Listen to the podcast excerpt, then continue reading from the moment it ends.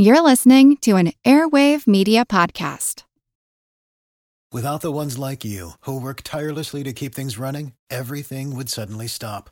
Hospitals, factories, schools, and power plants, they all depend on you. No matter the weather, emergency, or time of day, you're the ones who get it done. At Grainger, we're here for you with professional grade industrial supplies. Count on real time product availability and fast delivery. Call clickgrainger.com or just stop by. Grainger for the ones who get it done. As a longtime foreign correspondent, I've worked in lots of places, but nowhere as important to the world as China. I'm Jane Perlez, former Beijing bureau chief for the New York Times. Join me on my new podcast, Face Off US versus China, where I'll take you behind the scenes in the tumultuous US China relationship. Find Face Off wherever you get your podcasts. This is Kick Ass News. I'm Ben Mathis. Hey, folks. Ben Mathis here with a couple important announcements. You know that we have great advertisers that support the show and keep it free for you to listen. And one of the reasons why advertisers love Kick Ass News is that they know the show has amazing listeners. Right now, we have a survey that I'd like you to take to help us learn more about our audience. Just go to podsurvey.com slash kick. The survey will only take five minutes. We're going to ask you some questions about yourself and what you like to buy, but it's completely anonymous, and your answers will help us find advertisers that are well matched to you, your interests, and the show. And as a way of saying thank you, when you're finished, you can enter a monthly drawing to win a $100 Amazon gift card. Even if you've taken our podcast listener survey before, I'd like to ask you to take this one and help support the show. It'll be a big help to me, and don't forget that you have a chance to win that $100 Amazon gift card. Once again, that's podsurvey.com slash kick. That's K-I-C-K. Thanks for helping us find the best advertisers so that we can keep the show free. Also, the holidays are upon us, and if you're like me, you'll skip the madness of the stores and do most of your shopping on Amazon this year. And if you're going to be doing that anyway, then help support the show by going to the sponsor page on our website at kickassnews.com and copying and pasting the Amazon link there into your web browser before you start ordering. Then Amazon will toss us a little something for every purchase you make this holiday season. You have to shop for gifts anyways. They've got just about everything you can imagine on Amazon delivered right to your door. It won't cost you anything extra, and you can help support the show. So it's kind of like giving two gifts for the price of one this year. And that, my friends, is what you call a Christmas miracle. So again, go to the sponsor page at kickassnews.com and copy our Amazon link into your web browser before you start shopping. And if you feel extra generous this Christmas, then make a donation to keep us going over here at gofundme.com slash kickassnews. Thanks for listening and enjoy the podcast. Hi, I'm Ben Mathis and welcome to Kickass News. My guest today is former CIA analyst and targeter Nada Bakos. She's a highly regarded national security expert with 20 years of in depth experience in global intelligence. In 1999, 30 year old Nada Bakos moved from her lifelong home in Montana to Washington, D.C. to join the CIA. Entrenched in the predominantly male world of the CIA, Bakos belonged to a small yet dedicated sisterhood of female analysts, leading U.S. Special Operations Forces to the world's most wanted terrorist. Quickly realizing her affinity for intelligence work, she was determined to rise through the ranks of the agency, first as an analyst and then as a targeting officer, eventually finding herself on the front line of America's war against Islamic extremists. In her role as a CIA analyst, she was a key member of the team charged with analyzing the relationship between Iraq, Al Qaeda, and the 9 11 attacks. Subsequently, during the Iraq War, Ms. Bakos served as the chief targeting officer charged with finding the godfather of ISIS and mastermind of Al Qaeda in Iraq, Abu Musab al Zarqawi. Her work eventually led to Zarqawi's death in a targeted airstrike conducted by U.S. military forces in 2006. Nada Bakos can also be credited with directly helping to end the 10 year manhunt for Osama bin Laden by helping to identify the man who led U.S. intelligence agents to bin Laden's hideout in Abbottabad, Pakistan. She was featured in the PBS Frontline special, The Secret History of ISIS, and the Emmy Award winning HBO documentary, Manhunt The Search for Bin Laden. She's appeared as a guest commentator on CNN, ABC, Fox, MSNBC, BBC, and as a resource for journalists at the New York Times, Wall Street Journal, Washington Post, and other media outlets. After leaving the CIA, Ms. Bakos worked in a key role with the Starbucks Corporation and as a consultant to corporate executives, senior level government officials, and frontline technical teams, helping them understand the business and security related context to deploying new processes and technology. Ms. Bakos is a senior fellow on national security at the Foreign Policy Research Institute, and she's currently writing a book that comes out next year called The Targeter My Life in the CIA on the Hunt for the Godfather of ISIS. Oh, and there are more than a few people who speculate that the character of Maya, the CIA officer in the Oscar winning film Zero Dark Thirty, was directly based on Miss Bakos, a suggestion that she dismisses with varying degrees of annoyance. Today, Nada Bakos will talk about how she rose up through the predominantly male world of the CIA to become one of the agency's top analysts and the chief targeter of the most wanted man in the world. She'll talk about the often tedious work of a CIA analyst and the frustration that comes with following a lead for as long as a year or more, only to have that lead not pan out or suddenly go dark. She'll talk about some fundamental problems with the top down approach to intelligence and how that led to mistakes in the war in Iraq. She reveals how CIA trackers finally found Abu Musab al Zarqawi, what she saw of the infighting between bin Laden's Al Qaeda and Zarqawi's Al Qaeda in Iraq, and how those communications eventually led to the whereabouts of Osama bin Laden himself. And of course, I'll ask Miss Bakos for the millionth time if she is in fact Maya from Zero Dark Thirty. Coming up with Nada Bakos in just a moment.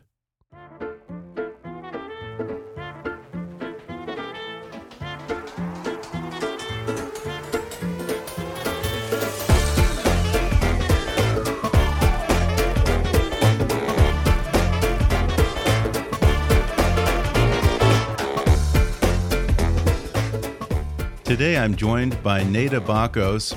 She's a former analyst and tracker for the CIA, credited in large part with having tracked down the terrorists Abu Musab al Zarqawi and Osama bin Laden himself. Nada, thanks for joining me. Oh, thanks for having me. Uh, first of all, I always ask this when I talk to anyone who used to work for the agency. Do you say the CIA or do you say just CIA? CIA. CIA. Okay. Okay. Doesn't matter. You were an analyst at CIA and then you later became a targeter. Correct. What's the difference between an analyst and a targeter? An analyst does uh, traditional analysis that you write reports and it's delivered to the policymaker. And a targeting officer actually does similar work, but it's applied tactically. So you're you're using um, special op- operations or a drone or something similar to Okay. track your target. Uh, in that role, do you have more interaction with the agents in the field? Yes, or you're in the field yourself. Well, how did you end up at CIA? Uh, was intelligence analysis something that you had an inkling you might want to go into at an early age? You know, my whole focus was living overseas. I wanted to do some kind of international work. I Okay. never really thought, oh, I want to be a spy. My focus was really just about trying to find a job in the um, early 90s, initially, trying to, to work overseas. And when I eventually landed at the agency in the late 90s, um, I was just excited to Were have you one. recruited? I actually applied online. Oh, you did. I did. Well, when you think of the intelligence world, you think James Bond, Jason Bourne, Tom Clancy. It has this very macho image. When you joined the agency, which was, I guess, now some 20 plus years ago. Was that kind of a good old boys club still? You know, depending on which department you went into, the where the analysts are, it's um it's very equal. It's men and women, and it's all about your brain. It's what you put on on paper and what you're able to brief to the policymaker. So, but on the operations side, it had been traditionally men as case officers. Um, it's it's evolving still, uh, and it's in a much better place now than it was when I joined. Yeah, and particularly within the analyst division, there you've had several women like yourself who've delivered some really big scores in the war on terror since Zero Dark 30, I think that the popular culture now even largely associates CIA analysis with women. I'm wondering if you think, is there a particular skill set or temperament that women bring to that specific job? No, actually, I think um, traditionally it was women in the targeting role um, really early on before me. Uh, they were drawn to that role out of the analysis role because they saw a problem that they could affect and do something about on the operations side. They didn't want to become mm-hmm. case officers. Right. So it and it wasn't a highly rewarding and visible job. Um, and I think women are more inclined to take those kinds of roles. um, yeah. But no, men and women both have skill sets that can be applied and do and there's men that have done just as well and better than okay. some of the women you've heard about. Still, I have to think that that women probably have a lot more patience for a job like that than, than I think that part is men. that part is true when you yeah. look at the demographic, especially of the guys who are attracted to operations. Yeah, yeah, their their focus is getting out into the field, recruiting agents to spy on behalf of the United States, and and their constant movement. So they weren't really drawn to that. That yeah, job. yeah, because I can picture men in the analysis division chasing a lead for you know six months and then it goes dark and they're punching a hole in the wall right if it was it, or something not sure they'd last six months but you know yeah. if you the the guys who are analysts totally different story they really? had the mindset so it's really just okay. about the skill set of the interesting person. Interesting. Well you know i want to start with 9-11 because that's really where your career took off uh, in the post 9-11 era um, first of all when the planes hit on 9-11 were you at langley and what was that day like for you yeah, I was at the CIA. Um, it, it, like everybody, it was very surreal. Um, Al Qaeda was well known to the entire building, so everybody was very. Cl- it was obvious right up front that it was Al Qaeda. Yeah. When that happened, was there a part of you that thought, "Wow, someone around here really screwed this up"? No, my first no? inclination wasn't who to blame. It yeah. was about what's happening next. What do okay. we need to do? Um, yeah where do we go from here? Yeah. Well, after 9 11, the Bush administration was very eager to tie Al Qaeda and 9 11 to Iraq and Saddam Hussein. And you were on the team that was charged with analyzing the, the quote unquote relationship between Iraq, Al Qaeda, and September 11th. Was there ever really any evidence of a connection? There was no evidence of a connection, and we did uh, report our findings to the administration and to Congress prior to the invasion that there had never been a connection between Saddam Hussein and 9 11. Was there ever pressure on you guys to find something that wasn't there?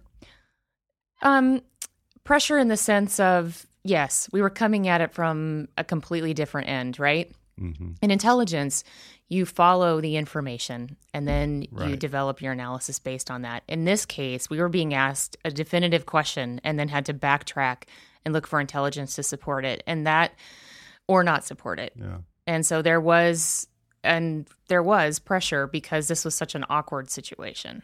Uh, I'm curious then, were you also involved in trying to find evidence of WMD, or was that I a was separate not. thing? Okay. That was a separate okay. office. Well, you know, when we have intelligence failures, I wonder if that's part of the problem this habit of kind of rigidly adhering to a theory, such as Saddam must somehow have a connection to 9 11 or Osama's got to be hiding out in a cave in this no man's land between Afghanistan and Pakistan. When when we miss something, is that oftentimes part of the problem that we just made up our minds and we don't look at the evidence that's right in front of our eyes? Yes, but there's there is also um, within the culture of the CIA and within the training for CIA analysts, it's built in that the objectivity um, when you're looking at information is part and parcel of your job. Mm-hmm. And you go through several layers of reviews. You go through several layers of scrutiny by your peers. I mean, you're really raked over the coals when you're trying to, you know, push out a piece to say the president or Congress. Yeah. So typically, it it doesn't um, end up in a sense um, as a as an abject failure unless there is some kind of you know mindset and cultural shift that's really at top levels, including administration. Interesting. That's open to hearing that type of information. So I would also say, having not worked on the WMD team, but read, having read the National Intelligence Estimate based on that. Mm-hmm. That wasn't just an intelligence failure. It was also a failure by policymakers and administration not to really f- go through the NIE and understand the bottom line of how far out even that threat was predicted. I mean, if you re- sit down and read the NIE, um, the findings that the war was based on, there was no immediate threat. And they said that there was no immediate threat. That's interesting because you say that there are layers. So there is some kind of, at least within the intelligence community, there's some kind of peer review, for lack of a better term. But it, it, where there are failures, they're usually top down failures. Absolutely. Interesting. It's usually cultural. Yeah. Well, you were later sent to Iraq in 2003 and assigned to track down Abu Musab al Zarqawi and his network, which eventually became Al Qaeda in Iraq and then later ISIS. But this was very early on before the insurgent attacks really began. So, what was it that you were trying to learn about him at that early stage? We had known about Zarqawi since um, he had trained in Herat, Afghanistan in the early 90s next to Al Qaeda. We were aware of his presence prior to the invasion. Um, there was an opportunity to um, dismantle his camp that he had set up in, in northern Iraq. But the United States government chose at the time not to do that. Um, so after the invasion, we were still focused on trying to answer administration questions on whether or not Zarqawi had any connection with Saddam Hussein and Al Qaeda Central and or 9/11 in addition really? to to then realizing he is still in the country um, and starting to wreak havoc. Was it difficult to get certain people above you perhaps to shift focus from WMD and all that track to actually realizing that okay, you're focused on this which may or may not be real and here's this other guy and here's where the threat is.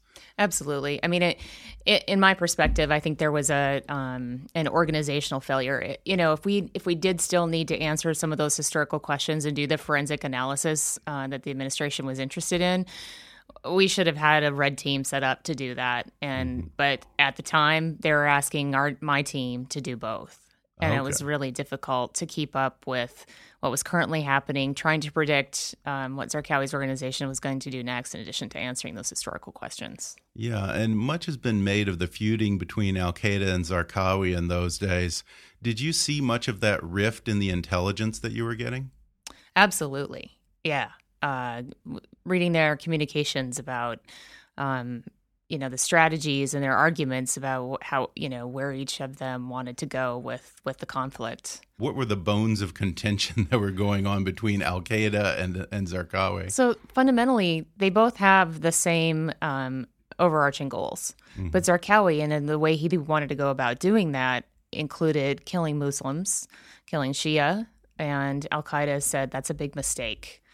Um, this, you're going to end up alienating yourselves. You won't be able to find recruits within Iraq. It's going to be very difficult. But he was tapping into the Sunnis who were all already starting to feel uh, marginalized. Mm-hmm. Um, so Zarqawi knew what he was doing, and and this has since taken on. Uh, ISIS has taken this this whole game plan as well. How did you eventually track him down? Prior to the invasion, um, Zarqawi was really not on anybody's radar except for the intelligence community and, right. and mostly the CIA. Um, he was looked at for his, you know, nascent, um, very amateur efforts of WMD efforts and chem bio, developing chem bio weapons, which was not very successful. Um, my team was was charged with looking at as we talked about, the relationships Zarqawi had with Al Qaeda and didn't have at the time um, prior to the invasion and during the invasion. He didn't join until 2005.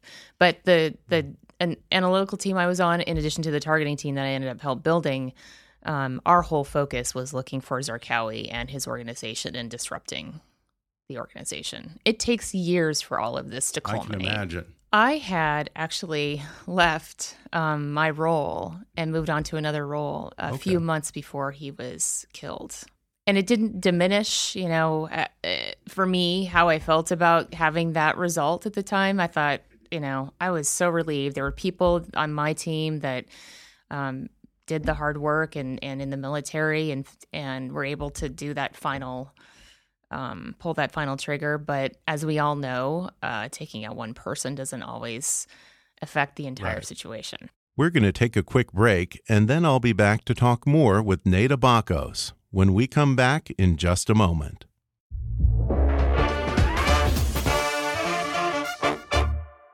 Today I've been talking with CIA analyst Nada Bakos, and being an intelligence analyst is a lot like trying to stay informed in this crazy 24 hour cable news world of ours. Searching through all the noise and the nonsense to get to reliable, independent information that isn't skewed isn't easy these days. I know my listeners are like me in that you value staying up on the latest current events, and you don't have time to waste sifting through junk news. You want concise, reliable, unbiased information on your schedule. Well, Reuters TV is the revolutionary video news app for busy people who want to know what on earth is going on. And believe me, now more than ever, I find myself asking, what on earth is going on? So I want you to do yourself a favor and go to reuters.tv slash kickass. You know, Reuters is the world's largest news organization with 2,500 reporters around the globe, and Reuters TV is video news as it should be. No hot air, no talking heads, and no theatrics. That's just how I like my news. I'll tell you, more and more, I have a hard time watching cable news because whether it's Fox News or MSNBC or even CNN, there's always an agenda. But you and I, we know what they're doing. They're trying to influence our opinion. I don't like that. I don't need to be told what to think. Just give me straight up, unbiased reporting on the facts, and then I can make up my own mind. With Reuters, that's exactly what I get. Go to reuters.tv slash kickass and check out some of the cool features. You can customize the length of your personalized news broadcasts anywhere from 5 to 30 minutes, and they update throughout the day. You can schedule downloads of broadcasts to watch offline whenever you want, you get live feeds of major news events such as presidential debates and press conferences, available on your favorite device iOS, Android, Roku, and Apple TV. It's personalized, always up to date, and ready when you are. It's basically the opposite of cable news. See for yourself. Go to reuters.tv slash kickass. That's Reuters, R E U T E R S dot TV slash kickass. And now, back to the podcast. You were also featured in the HBO documentary Manhunt The Hunt for Bin Laden, which was uh, done by a previous guest of the show, Greg Barker. Uh, while you were covering Al Qaeda in Iraq, you ended up delivering a key piece of the puzzle that led us to finding him. Uh, you know, that was just one of the pieces of the puzzle. And right. like I said, this is a this is a long game. There's never a um, Hollywood moment in tracking people. Um, the piece that I was involved in, it just happened to be that Al Qaeda was sending an emissary over to talk to Zarqawi, try to strong arm in, him into buying into their agenda instead of his own.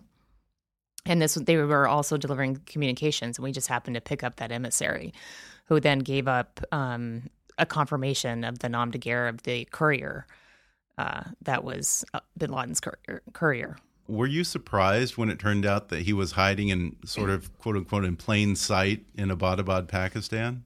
I think Between... most of us had given up a little bit on the mountainous region. Oh, really? But plain sight in Pakistan was uh, pretty blatant. Yeah. You know, that was a little bit of a surprise. Well, uh, I'm curious to talk to you a little bit about the work of an analyst. How tedious is the work of a CIA analyst? It's, It's very not tedious. sexy, I imagine. It is not sexy. um, your day to day is really uh, trying to down. You know, you're downloading all sorts of information, um, synthesizing it, trying to pick out the disparate parts that are factual among all the noise and other signals, and trying to put put it together so that it, it can make sense. Um, it is the biggest jigsaw puzzle that you'll ever work on. Yeah, and do you have moments where you're chasing a lead for a long time and it just goes dark? Absolutely. That's you know, when you're be frustrating. you're looking at various um, sources of information. So, you know, whether it's disruption in some kind of technical system or if there's a human source, um, there, you know, y there's quite often there's a lead that ends up going dark that seems very, or it just doesn't pan out. It seemed very promising on the surface, but it turns out that it wasn't a valid one.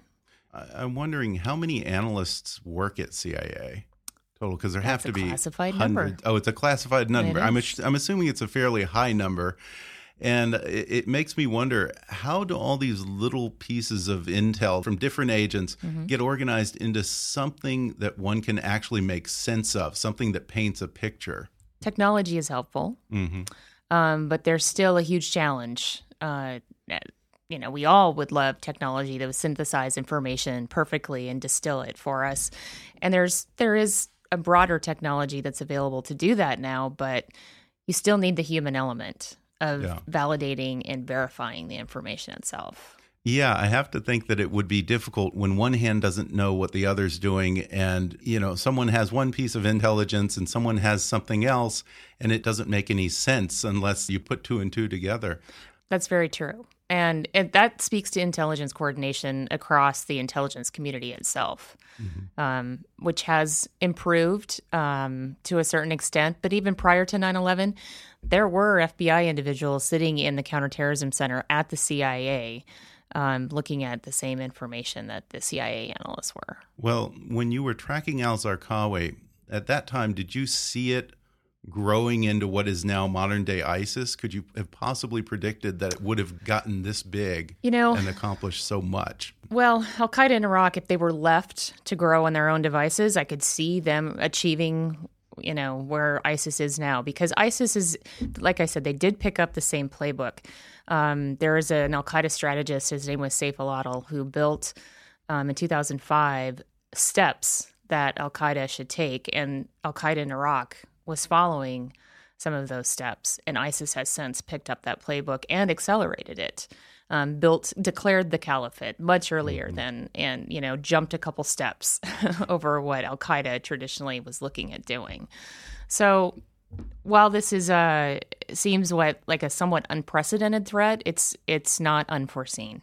Al Qaeda never, as far as I knew, had this ambition to actually control territory and, and essentially build a terrorist nation state the way that ISIS does.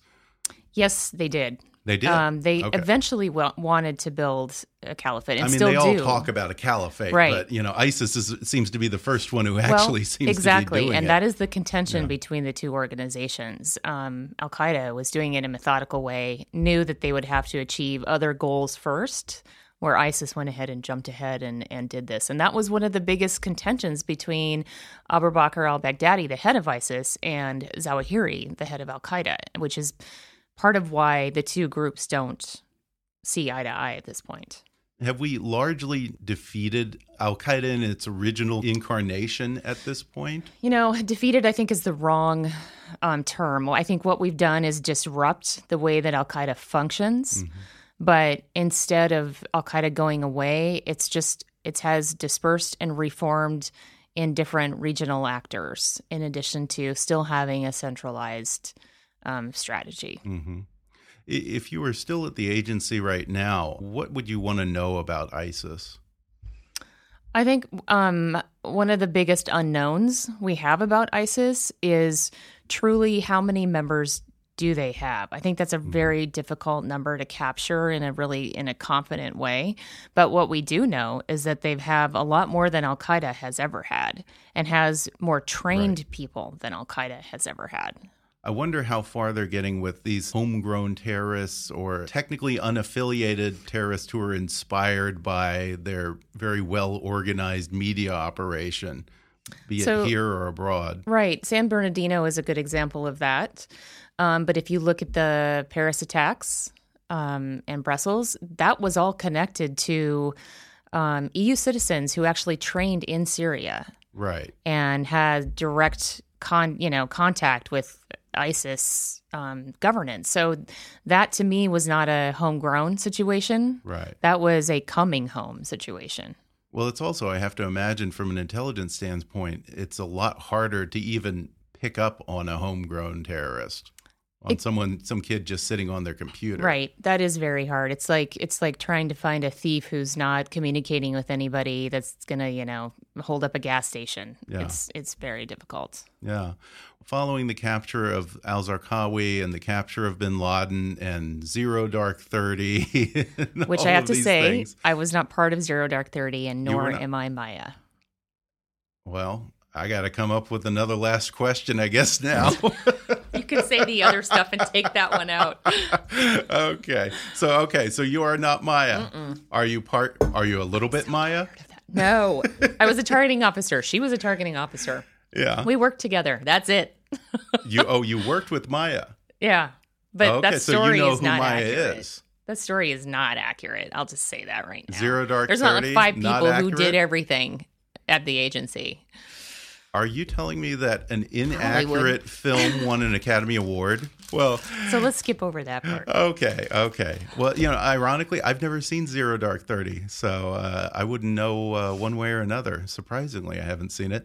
Um, well, after all of that, do you feel that perhaps uh, analysts at the CIA are finally getting a little bit of respect? Possibly. Um, but there are people who still believe in the traditional structure of how the CIA functions. Mm-hmm. And the targeting officer is a is a brand new role.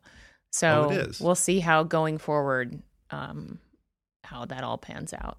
Interesting. So uh, when you say it's a brand new role, targeting officers didn't exist in the Cold War. No, they did not. Um, this organically grew out of the um, handful of women who, before me, were looking at Al Qaeda. Well, what are you working on now? You're now in the private sector. What are you up to these days? I am doing a speaking engagements, and I'm also a co-founder of a new tech startup.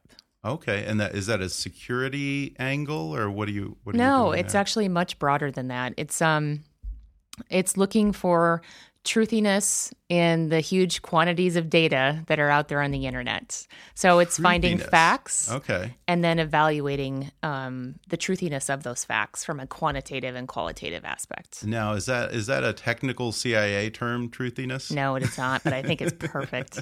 Uh, interesting. So, what kind of facts are you analyzing? You Or name it. Is this similar to you're Snopes, look- or what are we talking? Well, about? actually, no. It's um, if, whether you're looking at medical research and okay. there's there's you know information within that research product that you want to know is this actually factual.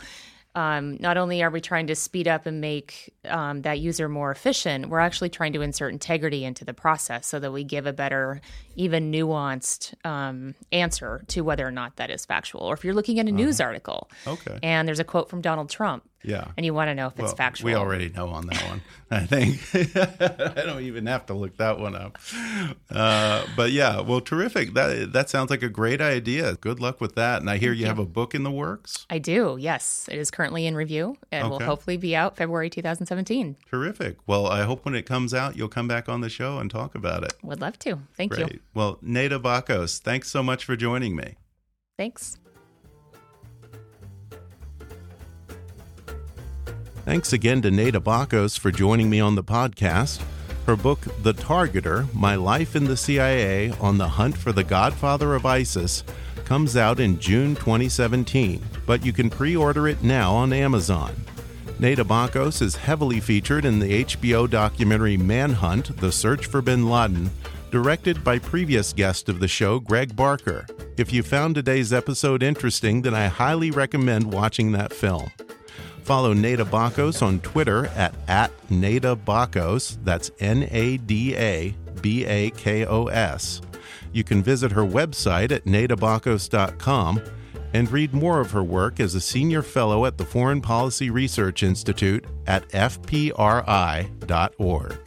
Again, check out our new advertiser and show them your support for the podcast by visiting reuters.tv slash kickass. That's Reuters, R-E-U-T-E-R-S dot TV slash kickass. And don't forget to take our listener survey so we can keep this show free and find other advertisers who are best matched to you, our listeners. Just take five minutes to go to podsurvey.com slash kick and take the survey. And when you're done, be sure to register for that $100 Amazon gift card giveaway. And once again, before you start your Amazon shopping this Christmas, visit the sponsor page on our website at kickassnews.com and copy our Amazon link into your web browser first. Then Amazon will kick us a little coin for every order you make this season. Be sure to subscribe to Kickass News on iTunes and leave us a review while you're there. You can visit Kickass News on Facebook or follow us on Twitter at, at KAPolitics. And please be sure to recommend Kickass News to your friends on your social media. And if you really want to help out, then donate to our GoFundMe campaign at gofundme.com slash kickassnews. As always, I welcome your comments, questions, and suggestions at comments at kickassnews.com. For now, though, I'm Ben Mathis, and thanks for listening to Kickass News.